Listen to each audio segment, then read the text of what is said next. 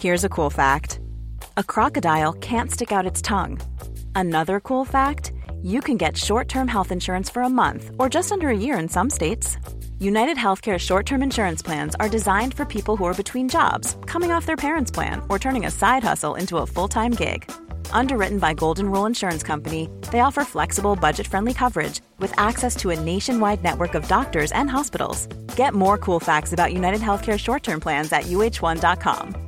I'm Sandra, and I'm just the professional your small business was looking for. But you didn't hire me because you didn't use LinkedIn jobs. LinkedIn has professionals you can't find anywhere else, including those who aren't actively looking for a new job but might be open to the perfect role, like me.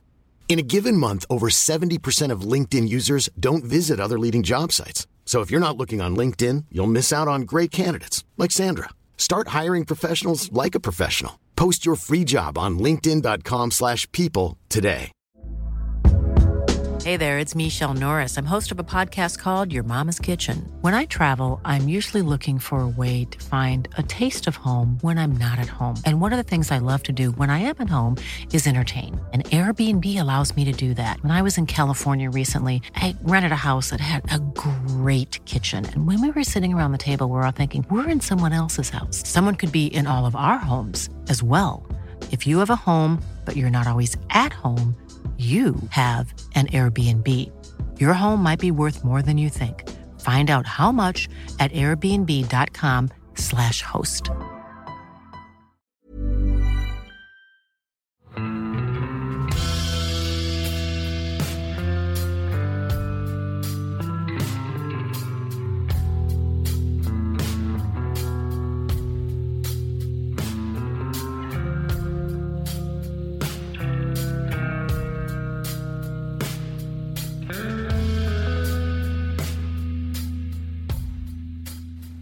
Hei og velkommen til podkasten Uteliv. Mitt navn er Randulf Valle. Og i dag er det en litt sånn eh, vindfull eh, vårdag i Trondheim, men det er endelig fysisk møte med eh, gjest i dag. Vi skal snakke om å høste av naturen, og dagens gjest er Øystein Horsberg. Velkommen, Øystein. Tusen hjertelig takk for det, Randulf. Veldig hyggelig å få komme hit. Ja, og det må være lov å si da, Øystein, at du har tatt eh, konseptet med høsting fra naturen litt lenger enn de fleste. Du er i gang med et prosjekt som heter Villsankeren. Hvor du da skal leve av jakt, fiske og sanking i et år eller to, eller kanskje mer. Men du har ikke flytta ut i villmarka for å leve som en steinaldermann. Kan du fortelle litt om måte, rammene rundt prosjektet? Altså, slags, for du har gitt deg sjøl en en utfordring. Så kan du si liksom, hva slags regler du har lagt på deg? Ja, det kan jeg gjøre. Jeg, for det første så har jeg jo en eh, base i ei sånn tømmerkoie nede på Nordkisa, eh, rett ved Gardermoen. Så jeg har en, eh, en, en base der. Og så reiser jeg rundt på ulike sankeprosjekter rundt om i Norge, da. Og, og, tanken min er jo litt sånn todelt. Jeg skal, jeg skal leve som jeger og sanker på, på fulltid. Være mest mulig sjølforsynt med, med, det jeg sanker og fisker og fanger. Og så bruker jeg overskuddet til å bytte til meg ting underveis, da. Eh, det er del én. Og så den andre og litt eh, kanskje enda mer ambisiøse delen er å, er å på en måte mm, dokumentere dypet av den norske sankesjela da, i, i 2021. Altså vi kom jo derfor alle sammen. Det var jo derfor vi kom hit til Norge. og Uh, fra den jeger- og sankekulturen. Og så vil jeg liksom prøve å se et tidsvindu. Hvordan står det til nå da, med den norske sankekulturen rundt omkring? Og, og, det er jo veldig mye spennende folk, og veldig mye spennende som skjer, så jeg prøver å uh, dekke det med filmkamera, da. Mm. Og du prøver altså å leve av den maten som du klarer å sanke ute, eventuelt det du klarer å bytte til deg for det du har sanka sjøl? Riktig. Og, og, du har jo allerede lansert noe jeg har veldig lyst på å kjenne i, i, i vår korrespondanse før her, så, så, jeg gleder meg til en bytteseanse på, på slutten her. Ja. Og, og, i den forbindelse kan jeg jo bare si at det er jo ikke noe sånn det er ikke det ekstreme som er tanken min, da. Uh, for jeg Er det noe ekstra, så bytter jeg gjerne til meg en, en pose kaffe, for å si det sånn. Mm. Ja, for det er sånn som jeg tenkte på, at uh, det, det det var jo det veldig mange snakka på under krigen, at kaffeerstatning var jo noe av det man aldri helt blei fortrolig med. Jeg har faktisk smakt sånn ertekaffe en gang, og det var ikke så verst. Men, eh, men det var vel en blanding av kaffe og erter, tror jeg, den blandinga der. Ja, ja. Så, nei, så det er ikke noe ekstremprosjekt. da. Det er veldig viktig for meg å si at eh, jeg spiser jo f.eks. den maten jeg får servert. Nå har jo du stilt med bolle og, og sjokolade her, og det tar jeg gladelig imot. Nei, men Det er jo eh, greit. så Du skal på en måte ikke altså, du skal ikke vende tilbake til naturen. Du skal på et vis ta sankerollen inn i nåtida. Vet du hva, Det er eh, egentlig godt sagt. Det er liksom eh, eh, Hvordan er det å være en moderne Weidemann, er liksom eh, min eh, og, og det er jo selvfølgelig Det er, det er noen plusser med det. ikke sant? Jeg har bil og jeg har fryseboks, men så er det også noen minuser. Vi har jo masse regler i dag som du må forholde deg til. Det er ikke bare å gå ut og hente det du vil når det passer deg sjøl. Nei, det, og det kan jo både være bra og ikke riktig så bra. Jeg har jo hørt liksom at uh, F.eks. i lakseelvene så, uh, så, har det vært fanga vinterstøing på vei ut og brukt grisefôr. Uh, så uh, sånn derre måte, hvis du har litt sånn biologisk kunnskap, så skjønner du jo kanskje at det er ikke sånn veldig god ressursutnyttelse. Nei, Nei det skjer litt av hvert sikkert rundt omkring. Mm. Yep. Men, men det er jo viktig å vite da, at det er ikke sånn at du har sittet på kontoret på reklamebyrået og aldri vært på tur, og så plutselig fått en sånn drøm om at du skal ut og, og leve av det som finnes i naturen. Altså, du har jo du har jo både utdannelse innen natur og friluftsliv, og ganske sånn stor friluftserfaring, må det være lov å si? Ja, det, det, går jo an å si det sånn. Eh, kanskje ikke helt i din liga, men, eh, som har levd av det her i nesten 20 år. Men jeg, men, eh, jeg har nå vokst opp inne i Oslo, da, eh, på østsida. Eh, Riktignok så har jeg bondeblod på begge sider, men, eh, men jeg vokste opp der eh, ut mot Tusenfryd. og det var jo ikke noe sånn typisk pangstart for friluftslivet. Jeg hadde jo eh, men jeg fikk inn det turgleden og, og Kvikk Lunsj-friluftslivet. Det fikk jeg inn tidlig fra mamma og pappa. da. Så vi er jo heldige i Oslo med, med, disse markene som omgir oss, med veldig fine muligheter både i Nordmarka og Østmarka, som jeg brukte mye. da. Uh, nei, så, så jeg, um, jeg, har utdannelse fra Ås, jeg har gått der. Og så var jeg i Alaska en periode, det kan vi jo snakke litt om. ja, vi kan jo egentlig bare ta det med en gang. For at dere var jo en gjeng som Altså, Er det lov å si at dere dro over og lekte pelsjegere en vinter? Ja, vi var eh, Du vet det er litt den der klassiske eh, guttedrøm med Helge Ingstad-greia. Fire kompiser satt i badstua på Ås der og, og, kokte sammen det her. At vi hadde lyst til å komme oss over dit. Og da, da fikk vi da via via litt kontakt med en sånn gammel pelsjeger der borte. da. Via en fyr som hadde vært handler på, på Iditarod-løpet der borte. Og så øh, klarte vi å få i stand en avtale med han, da. Da hadde jeg allerede studert der på våren, utveksling. Og så kom disse tre andre gutta over i sånn rundt juni, da. Og så var vi et halvår inn i skauen der, da. Så det var um, Jeg er veldig glad for at du gjorde det. Jeg tror en dørstokkmila, altså mellom uh, mellom det å bli sittende og ta sjansen er litt kortere når man er ung. Eh, så det er greit å kanskje ha, mm, ta litt sats noen ganger når man er ung. Det er kanskje lettere å gjennomføre prosjekter siden også. Jeg tror veldig det at uh, det, Jeg husker da jeg var liten, så forsto jeg aldri at folk liksom kunne dra et halvt år på tur. For at du måtte jo ha altså hadde jo, Folk hadde jo jobb. Altså at uh, du, du tror at sånne trivialiteter er umulige å løse. Og så er det jo egentlig først og fremst det er å, å skrive ned og bli enig med deg sjøl og de du skal på tur med, at du skal. Det er det vanskelige. Og så er det ei liste med praktiske gjøremål som man må eh, fikse opp i eh, videre. Men eh, Takotna, det er jo Dere var i nærheten av Takotna i Alaska, og det er vel kjent som et av de liksom sånne hyggeligste og mest særprega sjekkpunktene på, på Iditarod. Altså var det måte, noe bevisst rundt det som gjorde at dere havna der? det var litt tilfeldig, rett og slett. Altså, han, han ene som hadde vært handler der og, og sånn, så var litt, litt tilfeldig at vi havna akkurat der. Men det var jo et veldig klokt valg. Vi, vi ble jo kjent med en utrolig artig type der. Han gamle pelsjegeren Dick Newton, som han heter. Han er 91 i dag og still going sånn høv, høvelig strong, holdt jeg på å si. En sånn skikkelig harding da, og vokste opp i de harde 30-åra. og Uh, jeg husker veldig levende en av de første dagene vi kom dit med kona hans, uh, Jan som hun het. Uh, de hadde et veldig artig forhold, på en måte. det Eh, jeg husker han- spurte om eh, Ja, Jen, kan du sende meg potetene? Og da var svaret Hold kjeft og spis noe som står litt nærmere der du sitter. jeg skal ikke ta det på, engel, på amerikansk, for det er litt rusten nå, så Ja.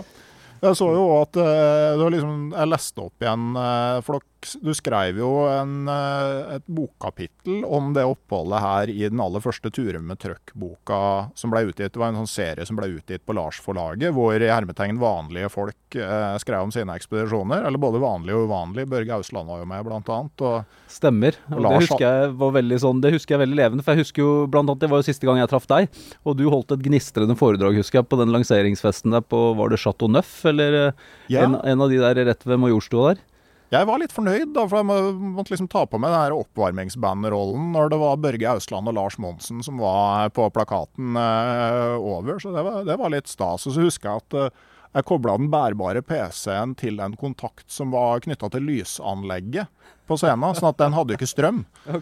Sånn at midt under foredraget så slokna PC-en. Det var, ja, det, så det å koble ting på dimma kurser, det er sånn klassisk bommert i rockebransjen. Hvis du, du kan være klar hvis du har en rørbasert gitarforsterker og kobler på en dimma kurs, da skjer det mye rart når man begynner å sakte sette opp eh, strømmen. Ja, det vil jeg tro. Uten Ja. at det er noe sånn elektro... Men det er jo vanvittig da, at du fikk til det, for det husker jeg som et veldig godt foredrag og veldig vittig. Og... Men du hadde det vel sikkert Når du hadde kommet godt i gang, så var vel eh, Det, det var jeg husker en sånn kveld med jovial stemning. Så, eh, men, men det var ja. også Men eh, det, i boka, da, det jeg tenkte på der at det var liksom artig med de pelsjegerne som altså Du ser for deg litt sånn Davy Crocket-style, men de er jo ganske gode på å ta i bruk moderne hjelpemidler. Så jeg så på det i dag, bl.a. elgpartering med motorsag. ja, ja, det er faktisk veldig Det sier jo litt om han typen her, ikke sant. En sånn pragmatisk type. og eh, og jakta der er jo For det første så er det jo rein matauk for han. da, altså han um, I Alaska så er det sånn at alle over tolv år, så vidt jeg husker, får en tag. Men du korrigerer meg hvis jeg ikke Jeg, jeg tror det er i hvert fall en, en aldersgrense der. Og, og, og han hadde jo da en elg han skulle skyte for seg sjøl. Han hadde en for kona si og en for en blind dame i landsbyen der. da. Og, og det er klart at det det, det betyr da, det, eller det handler om, er å få tak i det kjøttet. Så, så jeg husker veldig levende jakta den kvelden hvor eh, den motorsagparteringa der. Så, så hadde vi jo kjørt, for det foregår fra båt, da. Eh, eh, og tettheten av elg i Alaska er jo mye mindre i Norge, men da kjørte vi oppover elga, vi så jo ikke noe elg hele dagen. Og så var det jeg som var skytter da på vei ned. og Uh, og Det her er jo ikke sånn jakt foregår i Norge, men, uh, men når det da kom en elg på banken der, så, så det som teller for han, er jo å få den elgen ned så ikke han drar til skogs. Og da, da hører jeg bare 'shoot him, shoot him' bak meg, og, og han gir full gass. Og jeg sitter og planer å se vann og, vann og pels uh, annenhver gang. Og så kom jeg til slutt så nærme at, jeg, at det var bare pels i, og da da turte jeg å skyte, og da var det fortsatt han å rope da, at jeg hadde satt tre skudd i den elgen, og den, den datt jo rett ned. Heldigvis, men det er jo ikke noe jeg er stolt av i dag. Men det er bare for å si hvordan Jeg hadde nok blitt lynsja han hvis ikke jeg hadde avført de skudda, sånn, for det var eneste sjansen vi hadde den dagen. Ja da, og du skal ikke så langt tilbake i Norge òg. En kompis av meg vår far hans var med svigerfaren på reinsjakt inne i Rondane. Du er med svigerfar for første gang, har kalvekort, og det dukker opp eh, tre bukker, og du får streng beskjed om å skyte. Ja. Eh, så han hadde visst aldri slakta så fort i hele sitt liv. Da. Det, er- det, det er ikke så mange år siden. Da. Nei, ikke sant? Selv om det er noen tiår. Men, Ja. eh, men uh, når dere var ute der uh, Du har skrevet at eh, dere var fire personer på den hytta i et halvt år, og dere handla tørrmat for 20 000 kroner samla før dere dro ut. Ja, stemmer. Så det er ikke noe Altså, det er jo ikke noe kostbart prosjekt. Det er, det er jo konsumkravene våre i dag som gjør at det er dyrt å leve. Vi, vi hadde jo alt vi trengte. Vi har tørrmat og ris og mel og sjokolade og alt. Og så hadde vi proteinressursene våre i elva der og, og i skauen, da.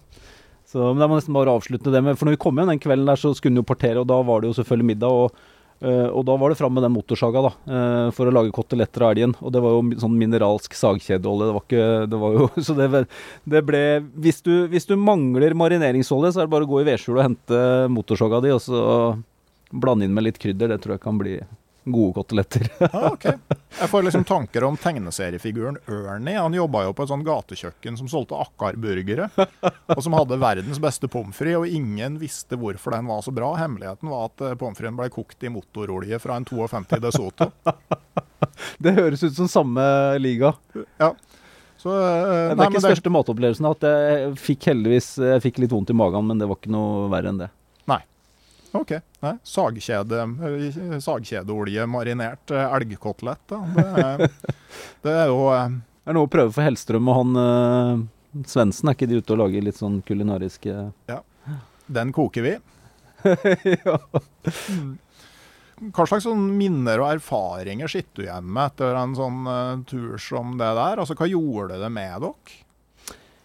Nei, altså, hva skal jeg si. Det var jo, ikke sant? Det var jo selvfølgelig opp- og nedturer der òg, men uh, for det første så Nei, For min del altså, var det igjen det der springbrettet at du, at du tør å ta sjansen siden. At du ser det som du sa i stad, det, er egentlig ikke så vanskelig. Altså, det, er ikke noe, det er ikke noe mer rigg med Det er avgjørelsen som er greia. Og det er jo mye mer rigg her i verden, med en småbarnsfamilie, med logistikk og alt. Altså, det, det å planlegge en tur er jo egentlig relativt enkelt når du har bestemt deg, og, øh, og hvis du har grunnleggende kompetanse på det med utstyr og sånn, da, som, som er ganske lett å skaffe seg, vil jeg si. Øh, Begynner i det små, så, så er ikke dørstokkmila høyere enn du gjør den sjøl, egentlig, da.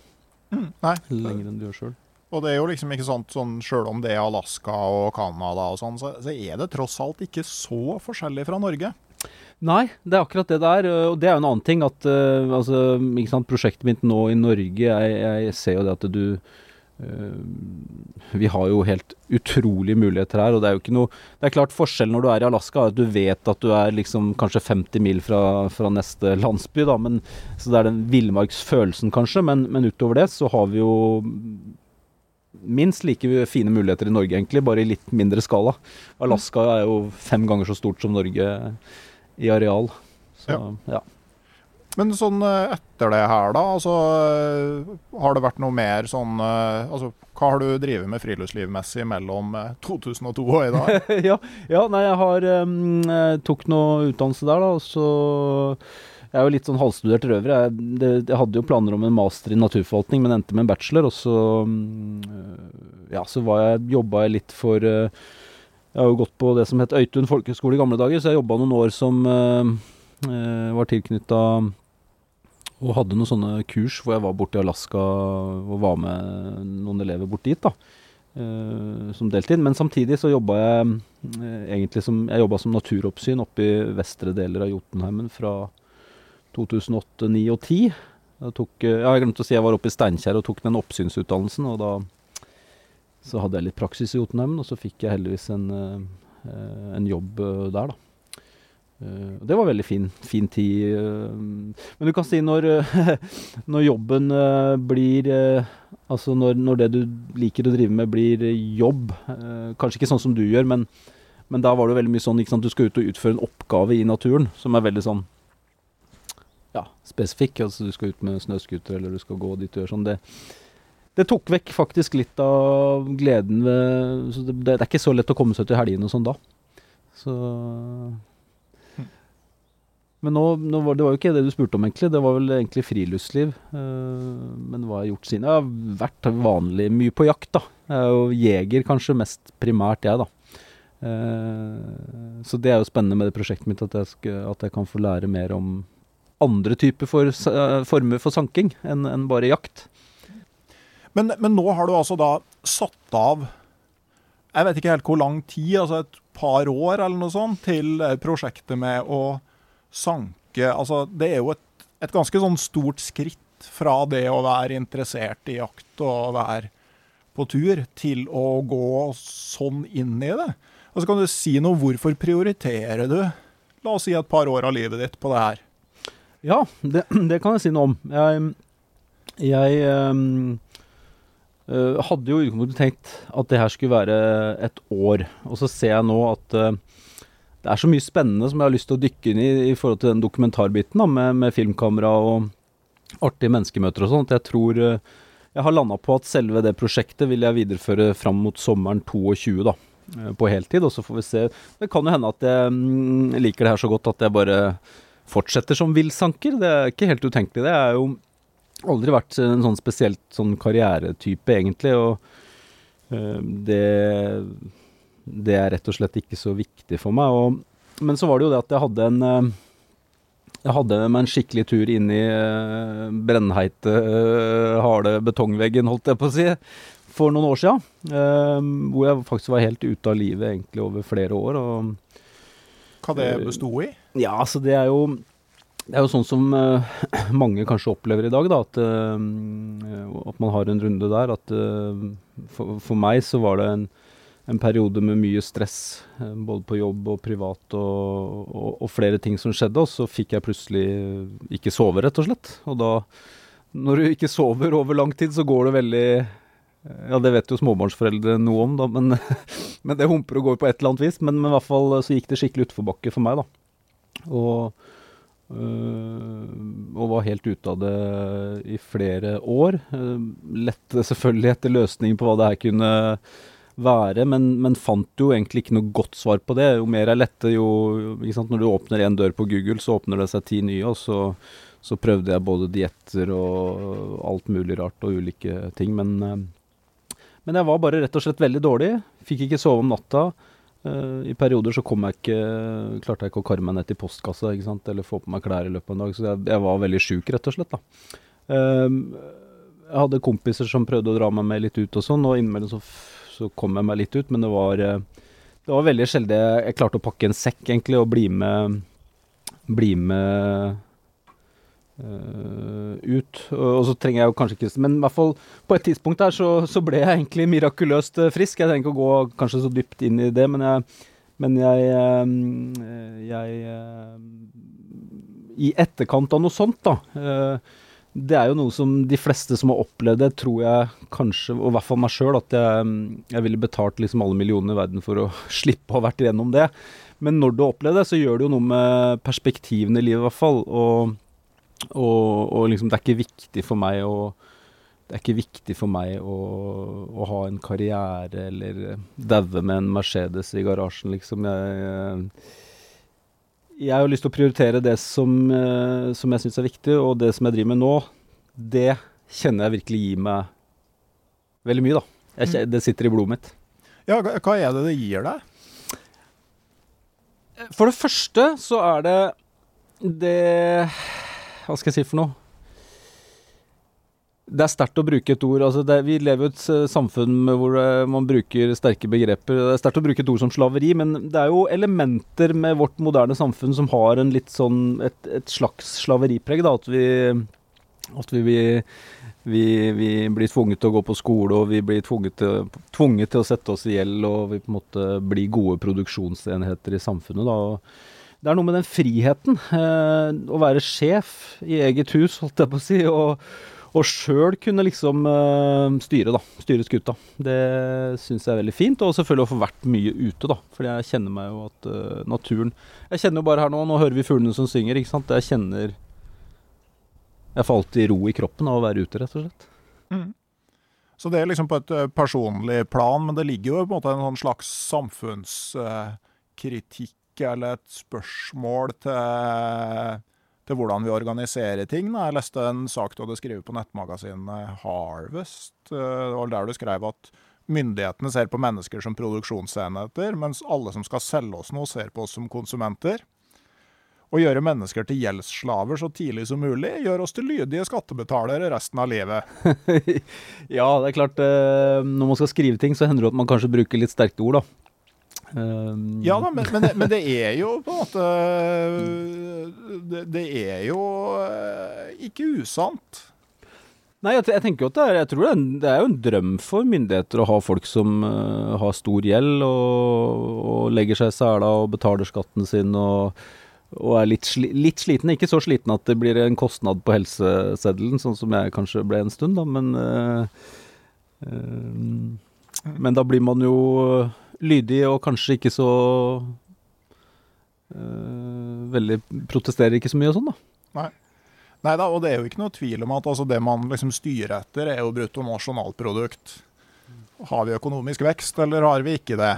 Og I og med at den eh, regnes i prosent, så skal den jo helst da gå fortere og fortere sånn i, i realøkning. Og, og, eh, og bruttonasjonalproduktet skiller jo ikke mellom ja, mat og helt unyttige ting. Nei, det er sant. Så, så det er liksom Altså, jeg tenker jo det, det, er jo veldig mye jobb som gjøres i Norge som man kanskje godt kunne klart seg uten. Da, sånn at, eh, men hvis alle skulle jobbe seks i stedet for åtte timer, så, så blir det jo mindre produksjon av varer og tjenester, og så går bruttonasjonalproduktet ned. og det har Vi på en måte ikke noe, altså vi vet ikke helt hvordan vi skal få økonomien til å fungere da. Nei, ikke sant. Der er det jo mye spennende teorier. Jeg har ikke lest alt, men det fins økonomer som har eh, noen svar der, da. Men eh, uten at det er noe sånn Kanskje du kan mer om det enn meg? Jeg har ikke Neppe. ja. Nei da, men det er, jo, det er jo litt interessant i hvert fall. Eh, jeg husker Thomas Hylland Eriksen sa en gang at uh, i de gamle jeger- og sankersamfunna så hadde de 20 timers arbeidsuke. Og det er klart uh, de hadde mye annen dritt òg, holdt jeg på å si. Men, uh, men de stressa tydeligvis ikke så voldsomt, da. Nei. Det var 20 timers arbeidsuke og 40 års levetid. ja, ikke sant. Så det kan hende de levde mer, da, fordi de jobba mindre i løpet av den tida. Ja. Det er tid til å sitte ved bål og leirbål og røyke pipe. Ja.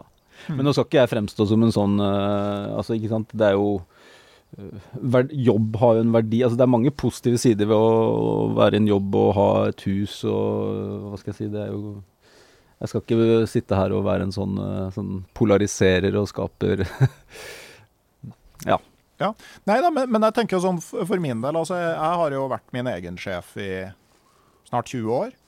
Og det, og det, er jo en utfordring, for altså, du merker jo at du Altså, man har jo en viss ærgjerrighet, og det er jo artig å lage ting, få noe gjort.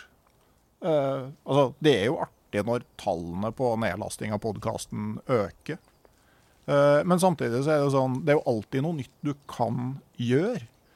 Eh, så jeg prøver jo liksom jeg, må, jeg, begynte jo med det her fordi at jeg liker å være ute. Og nå er jo livssituasjonen litt annerledes for min del enn den var i 2004. Men det å liksom sånn, ta seg tida til å gå en to-tre timers skitur, sjøl om det var ting jeg kunne gjort som gjorde at eh, jeg gjorde det bedre på jobben min. Eller sånn som i går, da jeg tok yngstejenta, henta henne tidlig i barnehagen, og så dro vi på orrfuglleik og tok eh, ja, fra fra i forgårs til i går. da. Nettopp. Det, det er liksom eh, Man må ikke glemme hvorfor man gjør ting. Da. Det er så lett å bli revet med av alle sånne tall som øker. Nettopp. Det er kjempepoeng i det du sier der. Og, og, det med arbeidsoppgaver og det at det alltid er ting å gjøre. ikke sant? Det er jo eh, Jeg føler ofte når du er ute i naturen, så er de arbeidsoppgavene de har en begynnelse, en tydelig begynnelse og en tydelig slutt. Eh, men ikke sant, med en gang du eh, Jeg merker når jeg sitter på mobilen f.eks. at det, liksom, det, er ingenting som har Ja, det har en begynnelse, da. men det, liksom, det, det, er jo aldri slutt på noe som helst. Fordi liksom, du hele tiden finner nye ting og, og varsler her og der. Nå har jeg skrudd av de, da. Egentlig så har jeg bestemt meg for å kutte ut hele Jeg har bare hatt sånn smarttelefon i to år, men eh, det har vært et helvete. Så jeg tror jeg skal gå tilbake til den gamle Nokiaen snart. Ja, samtidig så er det jo litt sånn der eh, ting som eh, stadig mer eh, betaling med VIPS, bank-ID på telefon. Altså det eh, apper altså For meg med unger, da, apper for fritidsaktiviteter. Det er ganske mye som er bygd opp rundt det. Sånn at det, det er jo en hassle å ha en sånn. Og så I mange tilfeller så er det ganske du får eh, en del utfordringer som veldig få andre har, da, hvis du velger å ikke ha det, fordi ting er bygd så stadig større grad rundt. Mm. Og Det er jo det kjipe, syns jeg òg, at det er, det er, jo så mange positive sider med det. Men jeg føler at uh, i takt med at de positive sidene øker, så øker også de negative sidene. på en måte, Så summen blir liksom uh, Hva skal jeg si? Jeg vet ikke om jeg går ut i pluss, da, men jeg, for jeg føler jo noen ganger at livet ikke liksom Ja, nå har jeg jo heldigvis ikke sånn, da, men at livet ikke har handla om noe annet enn å installere apper og lade mobilen, ikke minst. For han krever jo strøm hele tida, så det, liksom, han krever oppmerksomhet hele tida. Den maskinen er jo designa for at vi skal bruke best mulig tid der, i alle former og farger, og disse triggerne med de røde varslene som gir deg den der dopaminrush og Jeg vet ikke om du har sett den derre The Social Dilemma, er det heter på Netflix? Nei, jeg har ikke en kompis som fortalte meg om en på tur i Børgefjell nå i, i helga, men at de som var med å utvikle sosiale medier i stor grad, ikke bruker det sjøl. Stemmer. De er svært kritiske til mye. Og, og det, det, det skumle er kanskje hvordan det former oss som mennesker litt etter litt, da. Eh, jeg husker jeg, husker jeg leste Nå er jo det en stund som jeg husker en uh, en som skrev litt for Aftenposten, som uh, hadde fulgt med mye på forskningen der, for jeg var jo lærer en stund, i, i forhold til bruk av, av skjermer og sånn, at uh, veldig mye Vi mennesker vi er jo skapt for å ha øyekontakt. Det er klart Nå sitter vi rett overfor hverandre, og det er det visstnok bare kjærester som egentlig skal gjøre. da. Man skal egentlig sitte litt på siden av hverandre, for det er også en truende posisjon, på en måte. Men vi er jo skapt for uh, å ha øyekontakt med hverandre. Og når du ser i en skjerm, så er det jo på en måte en, en det er du responderer på, men det er, det er, ikke noen dualisme i den kontakten, på en måte. Uh, og den forskningen jeg leste da, som han henviste viste at, eh, at, eh, at, det kan føre til at spesielt unge hjerner sliter med å forstå ganske store og viktige ting i livet. Hvis du har veldig mye skjermtid, uh, empati f.eks., begreper som demokrati, at det, det, kan forme oss på et vis. Jeg skal ikke drive stu, Men at det er, liksom, det er, noe å ha i mente da, i den tida vi lever i med så mye skjermtid som vi, som vi har. At eh, Eh, og det å sitte rundt et bål og stille inn i bål og så ha en samtale som vi har nå, det er kanskje Ja, igjen. Nei, eh, nå Det har en verdi, ja. Det har en Bålsamtalen og den biten der, det har definitivt en verdi. Ja. Nå skal ikke jeg bli så svartmalende her. Jeg skjønner ikke hvorfor jeg skulle bli så svartmalende, men Hmm. Men, uh, Nei, men, ja. uh, men, det, men, det, er jo det er for så vidt interessant, da. Også i, igjen den der artikkelen i Harvest. Jeg ga deg en utskrift her, for uh, der, der beskriver du jo på en måte liksom det øyeblikket hvor du tar avgjørelsen da, om at nå skal du bli sanker, og når du da skal hente et, et litterært bilde på det du opplever da går du rett og slett til Bibelen, og ikke bare til Bibelen, men til Det gamle testamentet. ja. Eh, kan du ikke lese? Skal jeg lese verset der? Ja. Da sa Herren, gå ut og still deg opp på fjellet for Herrens ansikt, så vil Herren gå forbi. Foran Herren kom en stor og sterk storm som kløvde fjell og knuste klipper. Men Herren var ikke i stormen. Etter stormen kom et jordskjelv, men Herren var ikke i jordskjelvet. Etter jordskjelvet kom en ild, men Herren var ikke i ilden. Etter ilden lyden av skjør stillhet. Da Elia hørte den, dro han kappen for ansiktet, gikk ult og stilte seg i huleåpningen.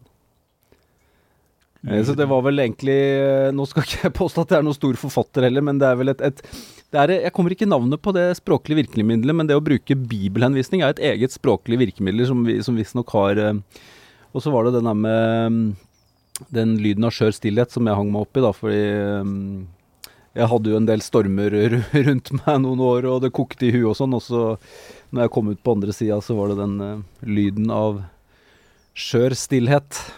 Ja som vi ofte opplever i naturen. For ingen lyder i naturen er jo stressende, syns jeg. da. Lyd i natur er aldri stressende. Nei, øh, nesten. Nesten, ja. Hvis du har sånn der vadefugl som tas utafor teltet ditt, og, og ja. ca. hvert 43. sekund sier pip når du skal sove, så kan det være litt stressende. Enig. men det var ikke det som var poenget ditt sikkert med den, men det, det var mer et språklig virkemiddel. Jeg, eh, jeg uh, har jo et åndelig perspektiv, og jeg tror uh, Jeg har vokst opp strengt religiøst, da, så det var kanskje derfor jeg øh, brukte akkurat den bibelhenvisningen, men Derfor du kjente den òg, antageligvis? ja, ja, ikke sant? Ja. Det, det, er noen år siden jeg leste spesielt Gammeltestamentet. Ja. jeg har lest hele Bibelen. Ja. Jeg må jo innrømme at det ikke alltid at Herren manifesterer seg i form av en skjør stillhet i Det gamle testamentet. Du kan jo høre med innbyggerne i Sodoma og Gomorra, liksom. ja. Jeg tror ikke sant, Bibelen er jo skrevet for av mange forfattere over lang tid, og de brukte jo sterke ord noen ganger, så ja. Sterke ord og sterke virkemidler. Sterke men, ord og sterke virkemidler. Men, men, det er jo den Altså, det, det er jo altså uansett måte religiøs tilhørighet. da, liksom Den magien i den skjøre stillheten etterpå. Ja, absolutt. Det er, jo, det er jo noe fint der. Absolutt. absolutt. Nå, nå tror jeg vel kanskje egentlig at Jesus er bedre, bedre oppskrift enn en Det gamle testamentet. Han gikk jo rundt og, og elska folk og viste kjærlighet. Det er vel egentlig det mye av religion utrolig nok har fjerna seg fra i dag. da, for for Jesus var jo ikke en type som uh, dømte folk og uh, sa at sånn må dere ikke leve. Han, han, uh, han, viste jo primært kjærlighet til folk. Hmm. Men eh, det er jo måte noe du ønsker å formidle med, med det å få, et nærmere forhold til, eh, til naturen da, gjennom en sånn, eh, eh, et sånn høstingsprosjekt. Altså, For du, du blir jo veldig bl.a. bevisst på årstidsskifter og sykluser, og for veldig mye av sånn tradisjonell høsting er jo sånn Altså du, du følger et årstidshjul med hva som, skal, hva som skal høstes når, ikke sant? Ja. Ja, det er kjempe, det er litt interessant du sier det, for nå skal jeg faktisk ned og besøke en kar uh, rett ned på Melhus her, som, uh, som faktisk lever av å sanke ville vekster og selge til fine restauranter i Trondheim og andre steder. Da. Han, han har sin eh, årsinntekt på det og, det, og det er jo alle mulige vekster som ikke jeg eh, kan noe om. Men han har et fint sånn årshjul faktisk på sida si. Så jeg vet ikke om jeg skal reklamere for det, men i hvert fall Jo, kjør på. ja. Eh, Det er noe som heter Trøndelag Sankeri, og hvis man går inn på siden der, så, så, så ligger det et sånt årshjul hvor du liksom kan se Nå i mars er det det som Nei, nå i april så er det dette som er Så det er litt artig. Eh, Ellers så avhenger det selvfølgelig mye av hvor man bor hen. Men nå etterpå så skal jeg være med han og sanke tang og tare. Ja. Nede ved kysten en plass her. Ja, for jeg tenker at nå, nå er vi jo, når vi tar opp det her, så er vi kommet inn i andre halvdel av april. Og vi er jo inne i det som i gamle dager ble kalt vårknipa. Og jeg tenker jo kanskje at tang og tare er et veldig sånn greit bilde på, på eh, hva man måtte ty til. Vet, eh, ytterst ut på Finnmarkskysten, på Nordkinn, på Omgang. Eh, der bodde det jo folk. Eh, ganske brutalt sted. Men det som var der, at det var så mye tang og tare at du bare trengte en fjerdedel av gresset man trengte ellers for å vinterfòre ei ku. Oi! Ja. Interessant. Ja. Så de høsta til eh, Høsta tang og tare i stor stil for å bruke til krøtterfôr. Ja. Hvordan tørka de det? Det vet jeg ikke, jeg vet ingenting. Jeg tror de kanskje tok det ferskt. Ja. Så, eh, så sånn er det. Men, men du kommer også nordfra nå, ikke sant? Ja, nå kommer jeg nordfra. Jeg har vært eh, et par måneder eh, på tur, så nå må jeg snart komme meg hjem til kjæresten min. Så jeg har vært på, et par måneder på tur. Jeg har vært eh, oppe i Finnmark og jakta hare ute ved kysten der oppe.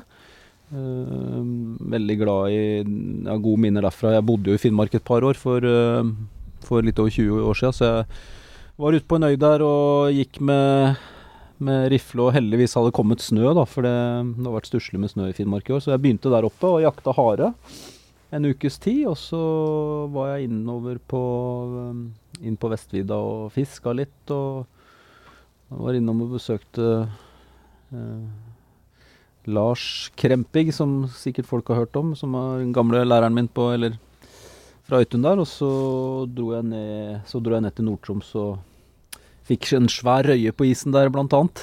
Ja, så eh, ble behørig dokumentert og, eh, og publisert både her og der. ja, jeg var, kom, havna faktisk eh, Jeg var så frimodig at jeg sendte inn til VG, for jeg tenkte nå er det påske og litt sånn agurktid, agurktid så da kanskje de tar inn det her. Og da havna jeg på et tidspunkt ved siden av en Trump som sto og pekte på meg fra venstre side på forsida til VG der, så jeg, jeg, vet ikke om det var en slags uh, tegn, men uh, det er første og siste gang jeg havner uh, ved siden av Trump på noe som helst vis, Ja. tror jeg. Jeg ville vel si at uh, it's the best Arctic char ever made. ja. eller, eller han ville sikkert finne noe kritisert uh, for, tror du ikke det? Finne en eller annen Ja, det er mulig. Det er mulig. Det er ja. Neida, men, så, men så dro jeg til Senja og fiska skrei. Uh, så jeg har med meg egentlig nordfra både hare, kaldrøkt røye. Den røyka jeg etter hvert. Og så har jeg med meg masse skreifilet. Fikk bytta til meg noe buknafisk der. Selkjøtt har jeg med meg. Og så fikk jeg heldigvis bytta til meg litt poteter i steigen, for det er klart karbohydratene, det er jo det er jo det som mangler litt, ikke sant, når du er på vinteren i Norge og Så de potetene Jeg fikk mandelpoteter i steigen, og de De kom godt med. Ja. Buknafisk og mandelpoteter, det er ikke den verste komboen, det. Det er jo ikke det. Nei. Jeg har aldri spist buknafisk, men du øh, mente at det var en bra sort? Ja, det er jo fantastisk. Det er kjempegodt. Og, Og det er jo eh, Du har nå den henger, det gamle huskestativet under verandaen her vi sitter og tar opp nå. Og det var faktisk bare et par episoder siden jeg var inne på det med buknafisk sammen med Arne Wilhelm Theodorsen fra Tromsø. Oi. Og vet du når du altså, Buknafisken skal jo tørke, men den skal ikke tørke helt. Ja, Det er jeg litt usikker på hvordan det har blitt nå, for den har jo ligget litt sånn uh, oppå bagasjen i bilen. Så hengte den opp når jeg stoppa, da, men uh... Ja, nei, så han sier at uh, Måten du finner ut når den er passe tørr på, det er at du henger den jo opp på en måte under takskjegget utafor soveromsvinduet til tørk. Og når den er blitt så hard at dunkinga mot veggen gjør at du ikke får sove, da skal du ta den inn. du verden.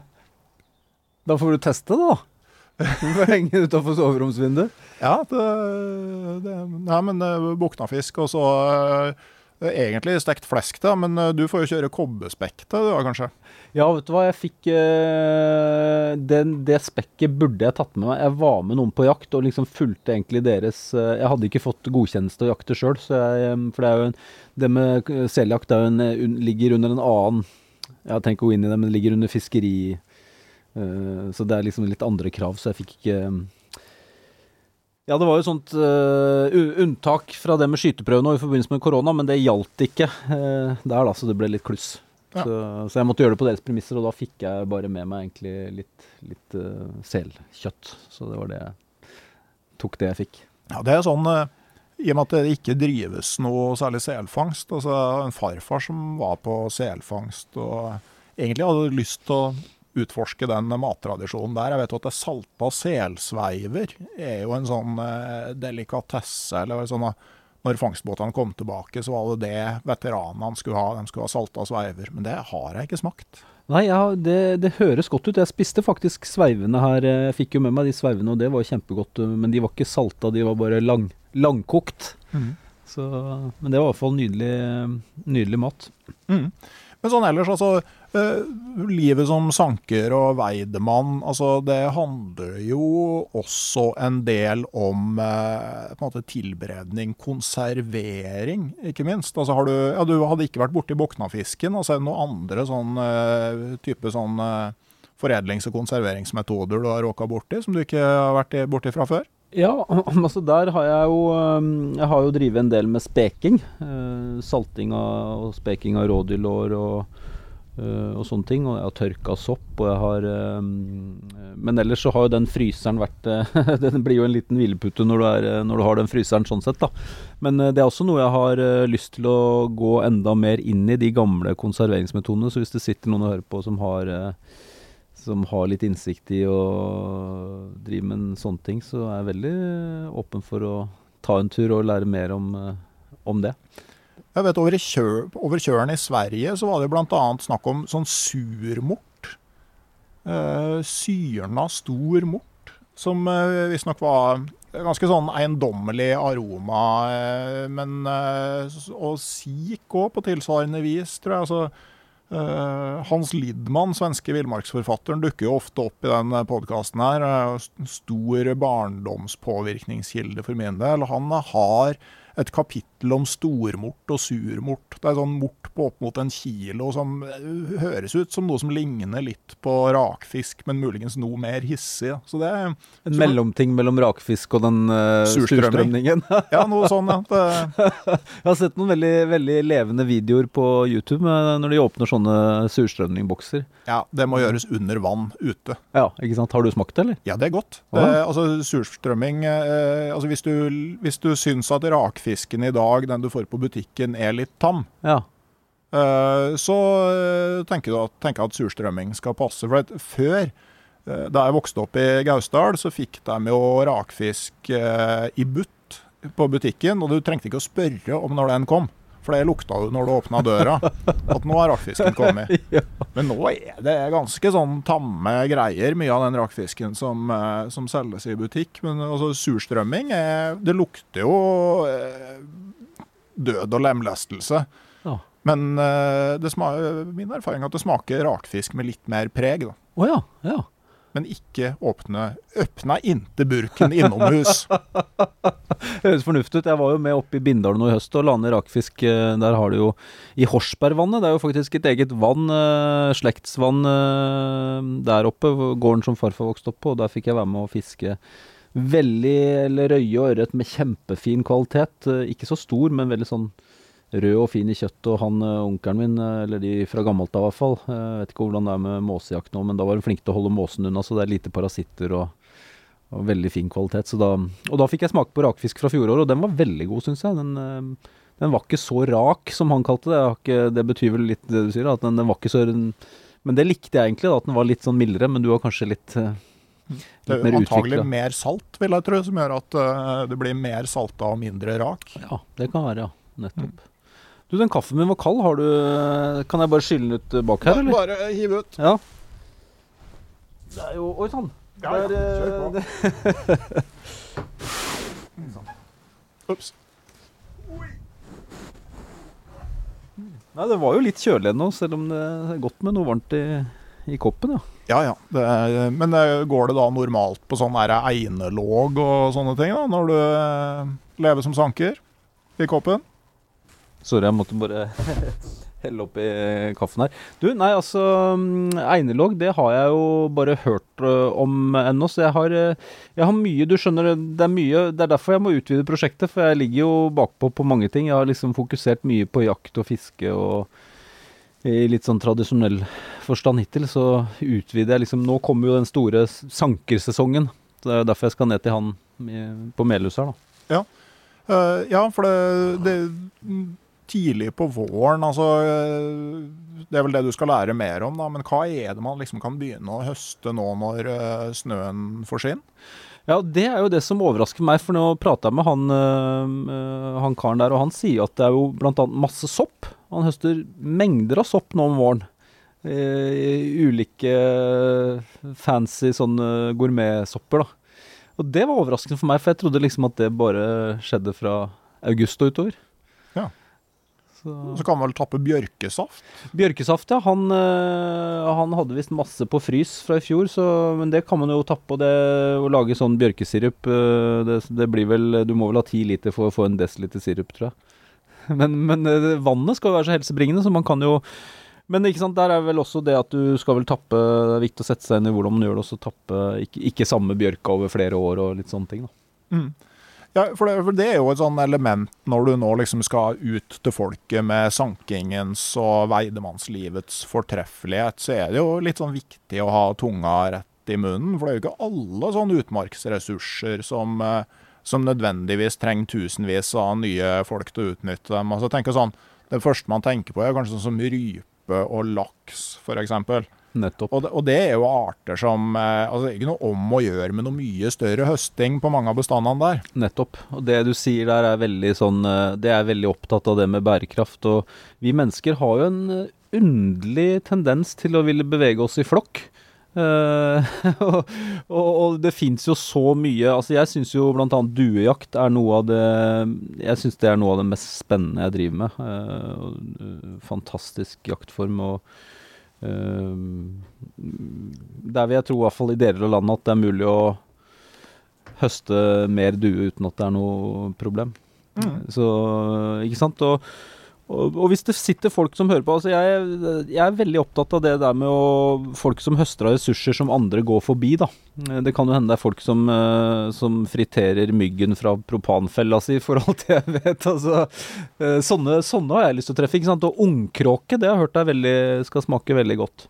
Ja. Så, um, jeg tenker sånn på matfisk òg. Altså Uh, altså det, det, er jo ikke lure å liksom klinke til og fiske ut storørreten i et vann. Altså at, uh, men kan du finne vann med liksom med, med F.eks. med sik, så kan det jo ofte være et bra kultiveringstiltak. Og, men, men, så er det jo det med at da skal du stå og bakse med garn seinhøstes.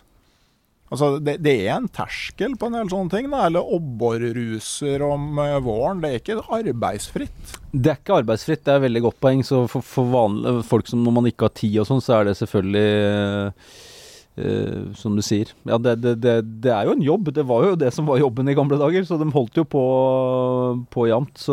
Men akkurat det i forhold til fiske, da, så tenker jeg at det er veldig mye potensial i Hvis man bor i Oslo eller andre byer, så er det eh, Problemet i dag er vel heller at det fiskes for lite enn at det fiskes for mye. Eh, Så hvis du har muligheten til å skaffe deg noen garn og Jeg tenker grunneiere burde være Vi har jo kanskje en viss sånn form for proteksjonisme på en del områder i forhold til eiendomsrett i Norge, men men akkurat i forhold til fiske, så hvis man gjør det riktig, og hvis man tar ut øh, smålåten fisk, så er jo det bare positivt, stort sett, øh, i mange vann. Så, så det der med mm, øh, Det der med minstemål for fisk, det har jeg egentlig aldri skjønt helt. det, det er kanskje i vann hvor man setter ut mye fisk, men, øh, men akkurat å, å få ut småfisk er jo bra. Både i røyvann og abborvann og Det, det er jo faktisk en dreining nå om at du heller har største mål. Det høres mye mer fornuftig ut ut fra den biologien jeg har øh, lært, i hvert fall. Du skal sette ut igjen eh, storfisken, men du kan ta den, eh, den som er mindre. Nettopp. Og så er det jo bare å ha regulering på garnmaskestørrelser og sånne ting. Så, så hvis du kjenner eh, til noe har, Vi har jo hytte rett nord for Oslo. Der er det jo almenning og, og fiskevann, og man kan sette garn og Så det er mange muligheter hvis man eh, Hvis man ser seg litt rundt i nærmiljøet. Men jeg vet jo, i Espedalen så er det jo i Espedalsvannet så drives det jo næringsfiske etter sik. Røykes og, og selges. Eh, Så det er jo en plass du kunne besøkt. Absolutt. Hvor, hvor ligger den? Eh, Espedalsvannet ligger eh, måte rett ved Ja, det eh, mellom Gausdal og Sør-Fron. Altså på Jotunheimens forgård, som det heter så fint. Ja vel, ja. Er det en liten gård eller noe som holder på der, eller? Ja, det, det er det. det. Jeg tror de driver på fortsatt. Det. Nei, Det er kjempespennende. Sånne ting jeg veldig gjerne vil Men de har litt utkomme av det òg, da. Det er jo fint. ja, det, det har de. Um, Kaldrøkt sik er faktisk noe av det beste jeg har smakt i hele mitt liv. Det syns jeg er en nydelig mat. ja, har du andre sånne måte, enkle favoritter, enten av enkeltråvarer eller sånn kombinasjoner av få naturråvarer?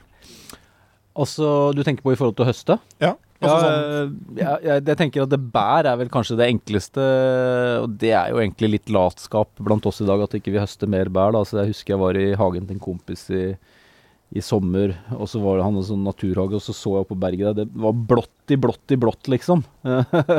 og da, da det, Ikke det at jeg skal klage på han for at han ikke hadde høsta de bæra, men, men akkurat eh, blåbær f.eks., i gode år så er det jo mye av det og øh, det, jo, det handler vel bare litt om at vi har blitt litt sånn for godt vant, kanskje, og kjøper blåbær fra Peru om vinteren. Det er vel egentlig ikke noe vi strengt tatt trenger. Nei. Eh, ellers så er det jo sopp. Eh, sopp er jo viktig at man er forsiktig uh, i forhold til helse og sånn, da. Eh, Men ikke sant, å lære seg de absolutt sånn sikre soppartene, det er jo Det er heller ikke noe sånn stort bærekraftsproblem så lenge man høster forsvarlig og uh, ja. Og det er jo eh, I større byer så er det jo ofte soppkontroller om Ja. høsten. At du kan liksom ta med kurven og vise fram hva du har uh, samla. Nettopp. Så få en ekspertvurdering på at det her er trygt. Ja. Og da får man jo mestring etter hvert og lærer seg en to-tre sikre arter, så, Mm. så er det Men, eh, men det er jo litt sånn at eh, du kan jo da sånn stille litt sånn spørsmål med måte, hvor reelt matauke er, hvis du begynner å se på netto her. Altså I gamle dager så hadde jo utmarksressursene en reell sånn netto plussverdi på livbergingsregnskapet. for å si det sånn. Ja. Men veldig mye av det vi eh, gjør av sånn høstingsbasert friluftsliv i dag, så er jo utgiftene både i kroner og i kalorier da, langt større enn eh, resultatet. Altså, hvor mange rypejegere i Norge tror du det er som på, på de premissene der sitter, ut med, sitter igjen med et, eh, et positivt resultat? Det tror jeg må være på i beste fall promillenivå. Ja. Noe sånn snarefangstfolk som bor inne på vidda i Finnmark, er kanskje det nærmeste jeg tenker. det kan kanskje hende at et par av de har eh, er litt på plussida når eh, Hvis de går på ski inn og ikke har scooter. Ja, det, det kan være. Eller hvis de bare rett og slett bor ute der, da. Nettopp. Ja.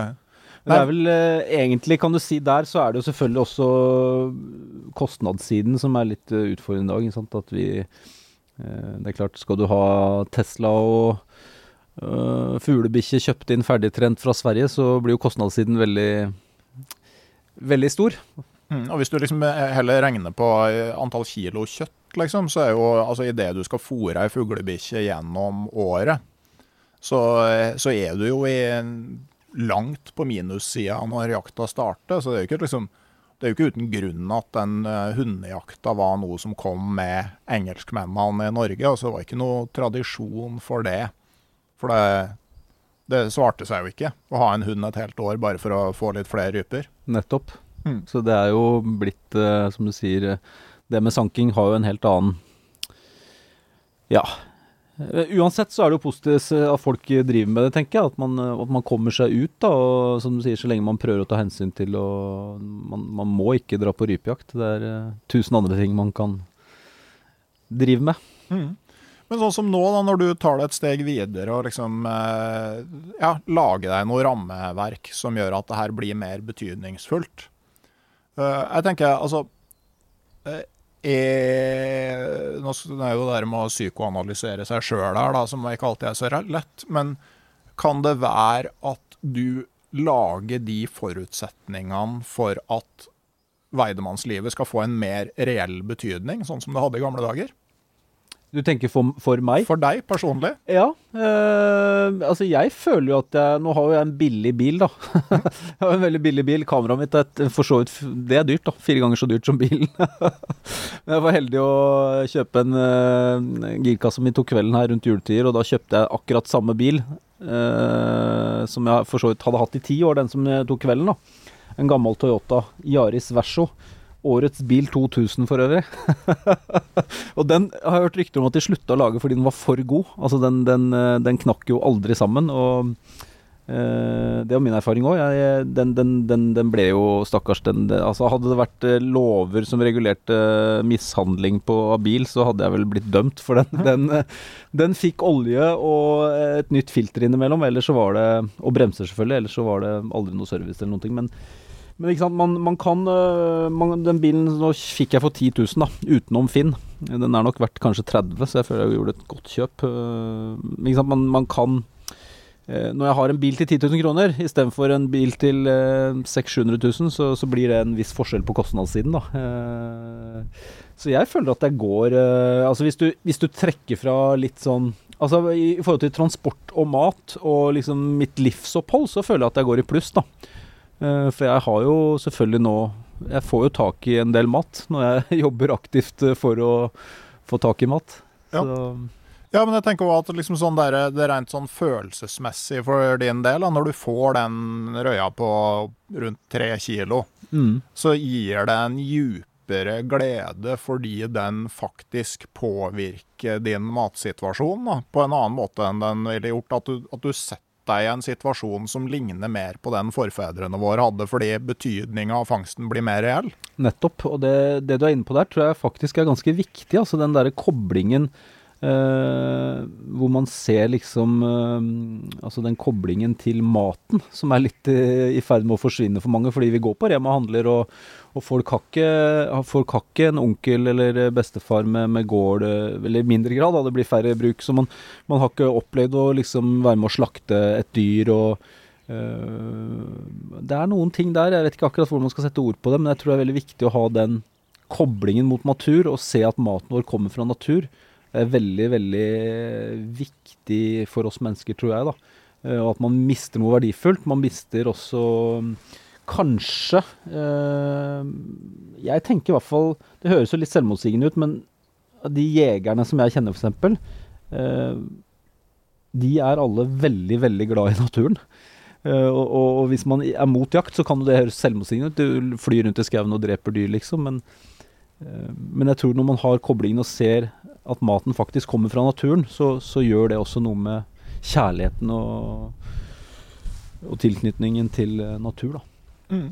Og Derfor så har jeg veldig sans for sånne folk som Reidar på Sørlandet, som jeg skal ned og besøke nå, som, eh, som er vaktmester i en barnehage og, øh, og lærer ungene, har med ungene på rådyrjakt og lærer dem å slakte rådyr. ikke sant? Og de får lære å bruke bruke hele, hele dyret og sånne ting. Mm.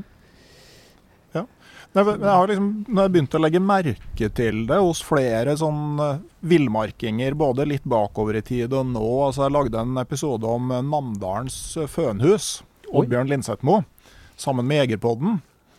Og han vokste jo opp i ei tid og under forhold hvor utmarka var en veldig viktig del av livsgrunnlaget oppe i Namdalen. Der altså jakt, fiske, sånne ting. Og så vokste han jo inn i ei tid hvor den betydninga for matbordet blei litt borte. Men da ser jeg jo liksom når han da i voksen alder dro ut på tur nesten uten mat, så tenker jeg at det kanskje ligger noe sånn ønske om å komme tilbake til den tida hvor fangsten hadde en større reell betydning. Da. Ja, øh, ja, absolutt. Og for meg så er det jo det at jeg kjenner Jeg, jeg tror jo kanskje veldig mange med meg Altså vi, vi, vi er jo genetisk tilpassa den livsstilen øh, knytta opp mot natur og høsting fra natur. Det er, jo, det er jo som sagt derfor vi kom hit for 10 000 år siden og fulgte etter villreinen. Så, så jeg merker veldig godt at det sitter i blodet, og jeg tror det sitter i blodet hos veldig veldig mange mennesker i dette landet. Men ikke sant Det blir jo litt sånn Hva skal jeg si for noe? Det blir jo litt blurred, på en måte, av, mm. av den virkeligheten vi lever i i dag, da. Ja, jeg husker ikke helt ordet, da, men det var jo professor Knut Dahl, som var veldig sånn stor fiskeforsker, som skriver i ei bok Jeg husker ikke hvilken bok det var, men han skriver om en sånn lita vestlandselv. Det er rundt århundreskiftet mellom 1800 og 1900, hvor man liksom har begynt å innføre litt sånn begrensninger i laksefiske. Men uavhengig av det så møtes bygda en sånn septemberkveld og bruke not nedover vassdraget og egentlig renske det for fisk. da. Ja. eh, han sier jo liksom at altså, han ser jo at det er kanskje ikke så fryktelig smart, men han erkjenner jo òg at hvis du har på en måte den minste lille flik av det der urmennesket intakt, så er liksom noe av det første du tenker når du ser den fisken ute i elva, er at det der er mat, den må jeg få på land. Det er kanskje noen, noen, en, en, slags mutasjon av de samme genene at man under koronatida endte med å løpe på butikken og hamstre dopapir. Så det er gått en liten feilkobling der, da. For det, det ble dopapir og ikke makrell i tomat på boks, holdt jeg på å si. Ja, det har jo noe med det der. Ja. Det, men jeg tenker òg at hvis man først skal se på sånn et sånn sjølbergingsperspektiv, hvis du har hage, så tenker jeg jeg ville jo kanskje ikke begynt med ungkråka jeg ville begynt med å lage meg en potetåker. Definitivt. Så det er klart at det prosjektet mitt er jo egentlig en ganske stor divergens mellom det å skulle leve, sånn av, leve som fangstmann og jakt og fiske, og så det å farte rundt som jeg gjør. da, fordi i en ideell verden, hvis jeg ikke hadde den dokumentariske biten min, så, så ville jeg nok uh, satsa på å ha meg en liten plass uh, så langt nord som mulig i forhold til at det var mulig å ha poteter der, med tilgang til eh, en fjordarm eller noe sjøfiske, og eh, kanskje en eh, ja, helst litt sånn eh, Kanskje litt furu, furuskau der, og opp i fjellskauen med noe fiskevann og Mest mulig, da. Eh, ikke sant? Det var vel derfor de så seg nøye om etter hvor de slo seg ned òg, for å ha naturressurser rundt seg og sånn, da. Mm. Så gjerne sik i det vannet. Ja. Ja. ja. Nei, for jeg husker jo sånn eh, Da jeg var liten, så hadde vi jo De fleste familiene hadde jo en potetåker på, i hagen. Og det hadde vi òg, kanskje sånn ti ganger ti meter. Og det var vi var jo familie på fire. Vi var jo fullforsynt med potet, og ikke bare det. Altså, jeg husker fredagskvelder så var det jo store potetkjeler på koking som skulle renskes og males, og så skulle det bakes lefse og flatbrød. Ja, fantastisk. Ja, så det, det, er jo enormt arealeffektivt. Ikke sant? Men, og veldig fin aktivitet å ha med seg unge på, tenker jeg. Ja, og, og så er det jo ikke så mye arbeid med poteten. Nettopp. Det, så uh, Men der har du det connection point igjen. ikke sant? Å være med å sette den poteten i jorda. Eh, kjenne jorda på fingrene er kanskje litt ekkelt for unger i dag. og, så, og, så, og, så, se han uh, gror opp og hyppe der og holde på. ikke sant? Kjempefin aktivitet som egentlig alle nesten kan uh, drive med. Mm. Ja, og, Eller alle, det er feil å si, men altså hvis du i hvert fall bor og har en liten åkerflekk, da. Ja, eller jeg tenker både sånn potet og jordskokk kan du visst sette omtrent i ei blomsterkasse i en blokkleilighet og likevel høste Ikke sant? Eh, Nok til en del middager, i hvert fall. Da. Det er jo ikke noe om å gjøre å høste så mye som vi gjorde. Det var først da jeg flytta hjemmefra at jeg forsto at det ikke var vanlig å ha poteter sammen med spagetti. Jeg husker, eh, jeg husker en, eh, en, en kar eh, en gang som vi bare kalte for Potetmann. Jeg husker han eh, Da jeg studerte han i kantina der, han fylte alltid opp uh, tallerkenen eh, noe så voldsomt med poteter. Så ja, nei, det sitter vel i oss litt, det der med mm, De siste 100 åra i hvert fall, så har det vært en viktig Eller e- egentlig sikkert hele grunnen til at vi uh, kanskje ble, ble såpass mange her oppe. Jeg tror eh, jeg har lest at sånn, i forhold til korn så er poteter omtrent fire ganger så arealeffektivt. Ja, nettopp. Eh, Det var en liten periode i Irland visstnok at det bedra levestandarden for liksom, de, som, eh, de husmennene. Ja. Eh, Helt til godseieren fant ut at da kunne de jo bare få en fjerdedel så mye åkerland til seg sjøl. ja, ikke sant. Så eh, det, det bringer jo kanskje tilbake til det der eh, hamsterhjulet ditt, ikke sant? Ja, eh, nettopp, At uansett så er det noen som sitter og trekker i trådene. Så det, Nå skal ikke, jeg er jo ikke motstander av kapitalisme. Altså jeg ser igjen da, det er jo liksom, det er den dualismen hele veien. Det er positive sider, og så er det negative sider med alt som vi egentlig har snakka om hittil òg. Alt fra mobiltelefon til det moderne samfunnet. ja, men likevel, altså du, du, når du skal eh, utveksle eh, fangsten din med andre, så sverger du til, til bytteøkonomi. ja. Eh, hvorfor det? Nei, altså Det var jo en fiks idé jeg fikk, da, bare for at, uh, at jeg tenker at, uh, at jeg kanskje slipper unna skattefuten.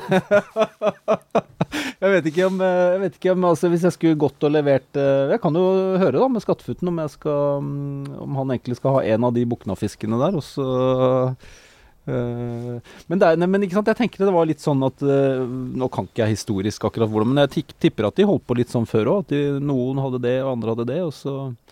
Men, men det er jo eh, åpenbare fordeler med et betalingsmiddel som måtte knytte sammen forskjellige produkter.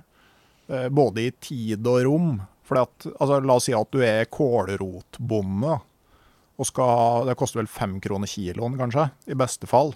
Og så skal du kjøpe noe til, til 10 000. Så må du da ha med deg to tonn kålrot for å betale for det der. Og det er jo ikke sikkert at han du skal kjøpe noe av, egentlig har bruk for to tonn kålrot. Nei, altså det er, eh, det er mye ved mitt prosjekt som sikkert ikke er helt i um, uh, Hva skal jeg si for noe?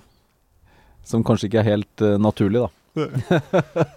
Ja. Så, så det- at man har fått betalingsmidler, altså først i, i edle metaller, ikke sant. Altså det, det har jo noe med liksom transporterbarhet og mulighet for å liksom strekke ut eh, Altså skille salg og kjøp i tid òg. Absolutt. absolutt, Så det er jo kjempemange pluss. Men vi snakka om den mobiltelefonen i. Jeg jo, har jo tenkt mange ganger at jeg kanskje skulle gå tilbake igjen til den vanlige telefonen, fordi jeg kjenner at den eh, Jeg elsker jo de gangene jeg er på fjellet og ikke har dekning, for da kjenner jeg hvordan det Akkurat som det går en sånn bølge av ro gjennom kroppen. Men eh, hvis jeg kunne kanskje jeg skal få avinstallert browseren min, så jeg bare har Vips Hvis jeg bare kan ha Vips og meldinger og telefon, det hadde vært ideelt for meg. Går an, det, vil jeg tro. Ja. Avinstallere browseren på mobilen, kanskje det funker.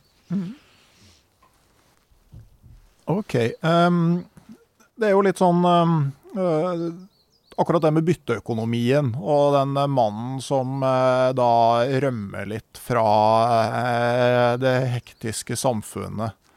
Nå har det eh, dukka opp en litterær parallell da, som ikke er henta fra Bibelen. Men Erlend Los Doppler. Ja. Hvor da han eh, Åpningsscenen er jo legendarisk. Han har flytta ut i skogen for å liksom komme seg unna og eh, begynne å få litt lite mat, så han har stjålet høy og plassert under ei klippe for å lokke til seg en elg. Som han da hopper ned og avliver med kniv. Og Det viser seg da at den, eh, det er elgku med kalv, så han slår seg sammen med den elgkalven Bongo etterpå. da. Eh, har du tenkt på eh, likheten? ja, det er jo sikkert eh, elementer av flukt i mange eventyrere som setter i gang hvor det er ting man men, men Det er lenge siden jeg har lest den boka, men jeg har jo veldig sansen for Erlend Loe. Jeg husker jeg hadde med et par av bøkene hans til Alaska når vi var der den, den høsten. Og nå leste jeg jo et resymé fra den Doppler. Jeg, så han skrev at han ble så sinna fordi eh, Irak-krigen kom, eh, eller invasjonen av Irak kom bardust på idet han eh, hadde store utfordringer med å velge baderomsflis. Det var utløst en slags eh, psykose, eller hva det var for noe. Men eh, Ja, Ja. det sier jo noe om liksom når, de, når de små tingene blir store. Men jeg, jeg husker i hvert fall at det som vel skjedde på slutten av den boka, var jo at eh, familien fanga han inn igjen ved hjelp av bedøvelsesgevær. Og da kom han til seg sjøl igjen, eller? Nei, Sånn, jeg tror han i hvert fall ble dratt tilbake inn igjen i A4-livet på, på et eller annet eh, vis. da. ja. Uh, ja, du sa du hadde kjæreste. Har du registrert noe sånn eh, innkjøp av eh, bedøvelsesgevær i det siste? Ja, det, det er klart, nå var det mm, Den turen her er vel kanskje det lengste strekket jeg har vært borte nå, da, de to månedene. Så, så jeg kjenner nå at det blir hyggelig å komme hjem en tur og, eh, og treffe henne igjen. Så det Men hvordan ser du for deg på en måte ferden videre? Blir du dratt skrikende og truende tilbake i hamsterhjulet, eller, eller blir det her liksom en, en sånn en mer sånn varig endring i, i livet? Jeg eh, tror og håper at det blir en varig endring i livet. Altså, nå, hus, kjæresten min skal jo starte en sånn kafé der nede nå med, hvor de skal, eh, de skal liksom lage ting helt fra bunnen av. Så jeg tenker at kanskje jeg kan få en forretningsmulighet der og levere, levere blåbær og må ha noe godkjenning fra Mattilsynet hvis jeg skal levere fisk og sånn. Men, eh, men at, at, at sanking og høsting og natur kommer til å fortsette å være en og forhåpentligvis kanskje, kanskje det kan være en, eh, en slags levevei. Det er jo ikke sant igjen, da, det er det med kostnadstiden. Altså, man, man må ikke ha Jeg mener at det er veldig lett å redusere eh, på kostnadssiden i livet. Det er kanskje litt håndmodig å si når jeg ikke har unge sjøl, men, eh, men jeg tror for de aller fleste så er det muligheter der, da. Mm. Sånn at man ikke trenger å jobbe helt fullt eller eh, ha litt mindre inntekter, da. Det kan nok eh, veldig fort være. Og, eh, men på kafeen, da, det blir kanskje motorsagpartert elgkotelett. Ja, det spørs hvor lenge kundene kommer da, men, eh, men jeg ser jo for meg at liksom rognebærgelé og hvis jeg kan levere saft til å lage blåbærsaft og, og kanskje hvis jeg kan ordne noe kaldrøkt sik og sånn, det kan bli veldig mye god økologisk nærmat av det. Jeg husker eh, da vi gikk New Zealand på langs, var vi innom en sånn eh, ganske spesiell kafé som annet serverte possum pie. Oi! Ja, som faktisk inneholdt possum, det der pungdyret som Jeg husker ikke hvilket land det kommer fra, men det har i hvert fall eksplodert i antall på New Zealand. Og så hadde de òg en rett på menyen som var Roadkill of the day. Undertekst eh, 'Anything dead on bread'. Det er jo veldig bærekraftig, da. Ja ja. Kun servere trafikkdrepte dyr. Ja. Det var en eh, smart ting. Mm. Men uh, hvor kan vi følge med deg videre, da? På, uh, for du har jo da fort et års tid igjen av det prosjektet her. Ja, altså nå driver jeg og filmer, og jeg håper jo Jeg har jo liksom hatt et håp om at det kan bli TV av det her etter hvert. eh, Men det er klart at eh, en, en, snøball har jo større sjanse i helvete enn å, enn å få solgt noe sånt, i hvert fall på forhånd. Eh, Men jeg hadde jo Jeg håper jo at For jeg tenker at det er noe som Som kan ha allmennhetens interesse fordi jeg treffer så mye artige folk, ikke minst. Og, og, og er med på veldig mye spennende sankingsaktiviteter. da. Så det er et håp jeg har. Så hvis det sitter en produsentspire der, en liten eh, som har en produsent i magen og vil hjelpe meg å forbedre pitchen min, så er det bare å kontakte meg på villsankeren.gmail.com. Eller så har jeg en YouTube-kanal og sånn, men det blir jo liksom ikke så mye der foreløpig. Nå begynner jeg å få mye materiale etter hvert, men eh, jeg får se litt hvordan det går i forhold til det TV-greiene. Og så eh, utover det så Ja, jeg har jo en Instagram og sånn, men eh, jeg har ikke satsa så tungt på den eh, formidlingsbiten eh, ennå, da. Hva du gleder deg mest til utover sommeren? da? Um, ja, si det. Altså nå Det er jo så mye, vet du. Jeg, jeg gleder meg veldig til å være med han sankeren en del og lære mer om disse ulike vekstene. For der kjenner jeg at jeg er ganske tynn sjøl, da. Så det blir veldig spennende å lære mer om eh, mjødurt og eh, geiteramssaft og you name it. Så Ellers så håper jeg mm, jeg håper kanskje å finne noen som kan lære meg fluefiske. Jeg har aldri det med fluefiske. Det er jo ikke akkurat noen sankeraktivitet på den måten. Det er jo litt mer sånn eh, Men ikke sant, jeg vil dekke spennet her. Så det kunne jeg tenkt meg å lære. Fluefisk etter sik, da må det jo bli. Ja, ikke sant? Eller harr, for den saks skyld. Det er jo sånn der uglesett fisk. Eh, kompis fra Otta som eh, vent, harr, eller horr, som det heter der, da, og potet. Det var tirsdagsmat. Ja, ok. Jeg tror ikke det er en positiv betegnelse. Men det er jo nydelig mat. Vi spiste mye harr i Alaska, og den er jo en kjempefisk. Altså, så det er, det er rart med det der. Det er veldig mye sånn øh, egentlig geografiske variasjoner. Ikke sant? I nordpå så spiser de jo ikke makrell, for det er liksom daumannsfisk og, og hare også vil de heller ikke ha. Så det er, men, men ikke sant, det er mye Abbor er jo I Europa så er jo abbor øh, Abborfilet går jo for øh, 300-400 kroner kiloen. ikke sant? Og abbor er en nydelig matfisk som jeg anbefaler, for, og, og som det er altfor mye av i mange, mange vann. Og, og hvis du slenger ut noen dupper, så, så får du fort en middag, abbormiddag. Det er jo sånn i Finnmark. altså eh, Der får du jo sånn mye sånn halvkilos abbor, og det er jo fantastisk når du steker. Ja, nydelig, vet du. Mm. Nydelig, Bare han ikke blir for stor. Jeg husker jeg fikk en opp i Femund en gang på 1, største jeg har fått. Den var vel 1,4 eller eh, Og da Men den gikk ned, den òg. Det, det er en stor abbor. Ja. Over to kilo, det er vel sånn eh, nesten ikke så det skjer. Nei. Og det er vel de aller største er vel kanskje ikke anbefalt å spise heller, pga. grunn av at det er jo en råfisk og Det er jo et poeng med flere fisk. altså Ørret, stor innlandsørret, og eh, det er vel et ganske solid dioksininnhold i. Ja. Mm. Eh, men igjen, man skal ikke bli hysterisk der heller, fordi jeg tror man kan spise eh, egentlig alt i naturen eh, som er spiselig, men, men det er klart, du, du, du skal kanskje ikke spise 30 sånne fisker i løpet av en sesong. Nei.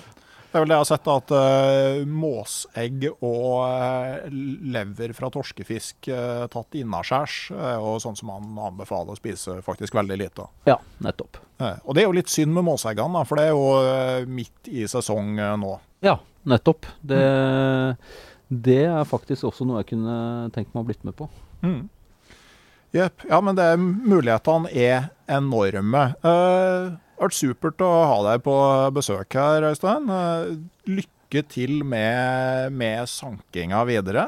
Men Ja, vi skal jo tusen- bytte. Ja, vi skal bytte! Det har vi jo helt glemt. Og jeg hørte Du sendte jo meg en altså jeg, jeg håper jo nå på, på liksom Du, du antyda noe om at du hadde noen krumkaker, og det var eh, Hva var det Ja, andre du sa? Krumkakene har jeg ikke tatt med ut, men dem kan jeg finne. Men jeg har en pose her. Ja. Du, du har da boknafisk. Jeg har uh, tre fileter med boknafisk til deg. Håper det kan holde til iallfall uh, Jeg vet ikke hvor mye det blir når du vandrer ut, så blir det vel litt mer vekt av det òg. Jeg så da at uh, blåbærsesongen har vært dårlig, så Ja. to glass med uh, sjølplukka og sjølsylta blåbærsyltetøy. Det er helt fantastisk. Og så tenker jeg at hvis jeg skulle leve av naturen, så er det to ting jeg ville savna. Kaffe Oi. og melkesjokolade. Oi, oi, oi. ja.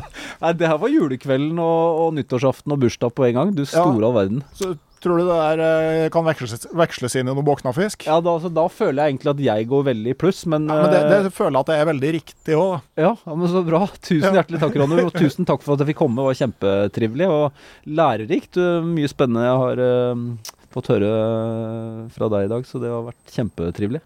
Takk det samme.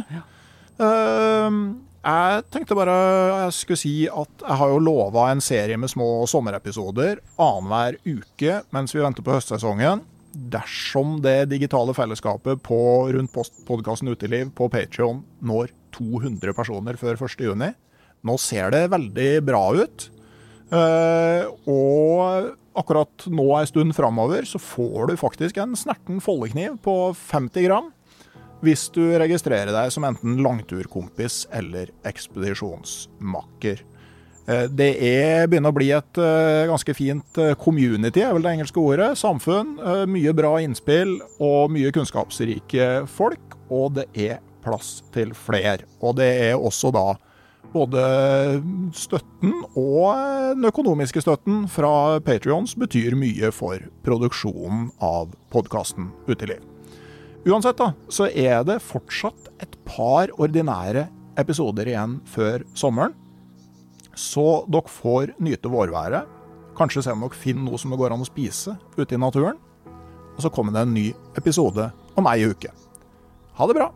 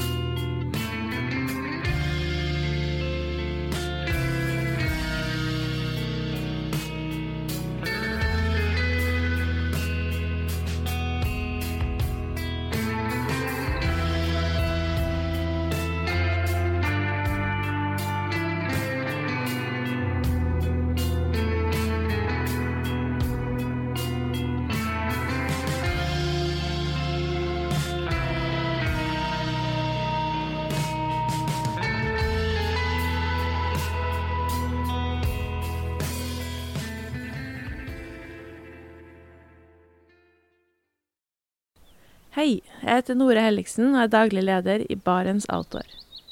Det beste vi kan gjøre for planeten, er å redusere forbruket vårt og få mer ut av det utstyret vi allerede har. Men vi vet av erfaring at bruken av telt kan endre seg over tid. Det teltet du kjøpte for to år siden, passer kanskje ikke det behovet du har i dag. Derfor har vi i Barents etablert en egen panteordning der vi tar imot brukte telt av god kvalitet i innbytte når du kjøper et nytt av oss. Prosessen er enkel.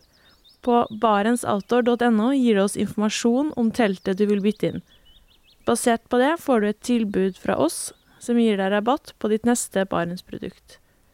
Mer info og betingelser finner du på barentsoutdoor.no. Og husk at den første reparasjonen på produkter fra Barents er alltid gratis.